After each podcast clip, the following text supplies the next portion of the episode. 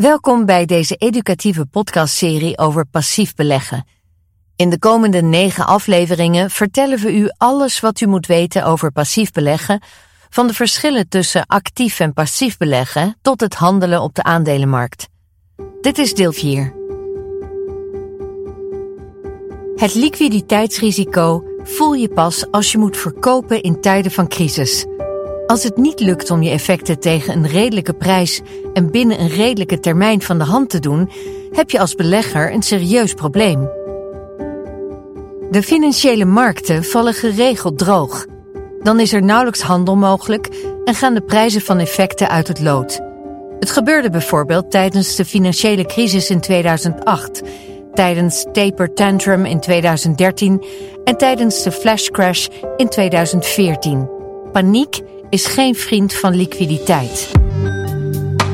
Alles gaat dicht behalve de essentiële winkels en medische contactberoepen. Dat De meest recente liquiditeitscrisis was in maart 2020, toen de mondiale uitbraak van COVID-19 de financiële markten langzaam in een wurggreep nam. The economic impact of COVID 19 could be worse than the 2008 global financial crisis.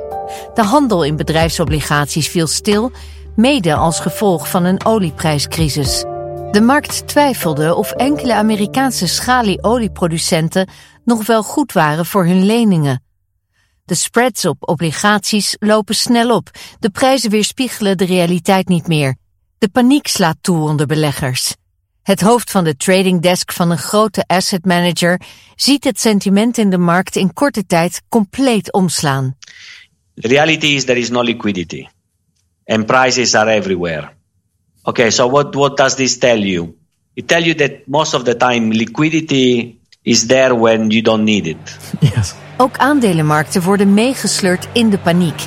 By between 3 and 4.5% generally across these markets. Let's talk about the speed with which we are watching this market deteriorate. Op vier van de acht handelsdagen tussen 9 en 18 maart 2020 wordt de handel op de New York Stock Exchange stilgelegd als de S&P 500 telkens meer dan 7% daalt. Op 16 maart levert de S&P 500 bijna 12% in. De liquiditeitscrisis van maart 2020 is in één opzicht echter anders. De ongerustheid breidt zich uit naar ETF's en dan met name obligatie-ETF's. In een periode van een paar jaar tijd is 1000 miljard euro belegd in deze financiële instrumenten die nog geen serieuze stresstest hebben ondergaan. Het is koren op de molen van sommige wetenschappers, beleggers en beleidsmakers die al voor de uitbraak van COVID-19 waarschuwden dat in het geval van een externe schok beleggers zich zouden haasten hun ETF's te verkopen en weinig kopers zouden vinden. Liquiditeit verwijst naar de mogelijkheid om een effect snel, gemakkelijk en tegen redelijke transactiekosten te kopen of verkopen. De bid-ask spread. Het grootste deel van de koop- en verkoopactiviteiten in een ETF vindt plaats op de beurs, de secundaire markt. Hier worden kooporders vaak gekoppeld aan verkooporders, in welk geval de onderliggende mandje-effecten van de ETF niet worden aangesproken. Dat is handzaam vanuit kostenoogpunt, maar vooral in volatiele markten als de onderliggende activa moeilijk rechtstreeks te verhandelen zijn. Wat als er meer kopers of verkopers zijn? Hier kunnen ETF's een voordeel hebben ten opzichte van andere beleggingen die op een beurs worden verhandeld, omdat nieuwe aandelen in de ETF kunnen worden gecreëerd of bestaande aandelen teruggekocht in de zogeheten primaire markt. Alleen in dat geval worden de onderliggende activa verhandeld. Deze unieke creatie- en terugkoopfaciliteit verhoogt de liquiditeit van ETF's. Dit verklaart ook waarom de liquiditeit van een ETF voornamelijk wordt bepaald door de liquiditeit van de onderliggende effecten en niet zozeer door de omvang van de activa of verhandelde volumes. In maart 2020 ondergaan enkele grote obligatie-ETF's hun lakmoesproef als hun prijzen tot ver onder de waarde dalen van de individuele obligaties waarin zij beleggen. De handel in deze obligaties ligt in een aantal gebieden van de markt zo goed als plat. Als beleggers hun vertrouwen opzeggen in obligatie-ETF's, kan dat leiden tot een uitverkoop en nog meer paniek op de financiële markten. En beleggers willen op dat moment maar één ding: liquiditeit. Zo weet deze topman van een grote vermogensbeheerder. John, if we go back to the mid to end of March, there was an incredible liquidity crunch going on. We had a number of institutions moving towards cash. They all wanted to move towards T bills. Investors are repositioning their portfolios. They needed liquidity.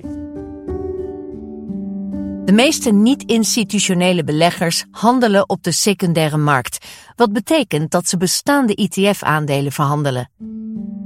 Secundaire liquiditeit is de liquiditeit die beleggers in het orderboek zien, zoals volume en spreads, en die voornamelijk wordt bepaald door het volume van de ETF-aandelen die worden verhandeld. Op de secundaire markt onderhandelen beleggers met elkaar of met een marketmaker om het bestaande aanbod van ETF-aandelen te verhandelen. Daarentegen maken beleggers op de primaire markt gebruik van een zogeheten authorized participant om het aanbod beschikbare ETF-aandelen te wijzigen. Dat doen zij door een grote mand aandelen van de hand te doen of te verwerven. Een van de belangrijkste kenmerken van ETF's is dat het aanbod ETF-aandelen flexibel is om de veranderingen in de vraag tegemoet te treden.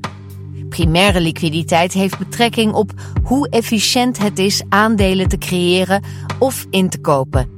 De liquiditeit op de primaire markt is geen indicatie voor de liquiditeit op de secundaire markt en vice versa. De factoren die de liquiditeit van de primaire markt bepalen, verschillen van degene die dat van de secundaire markt bepalen. Op de secundaire markt is liquiditeit doorgaans een functie van de waarde van de verhandelde ETF-aandelen. Op de primaire markt is de liquiditeit veel eer een functie van de waarde van de onderliggende aandelen die de ETF aanhoudt.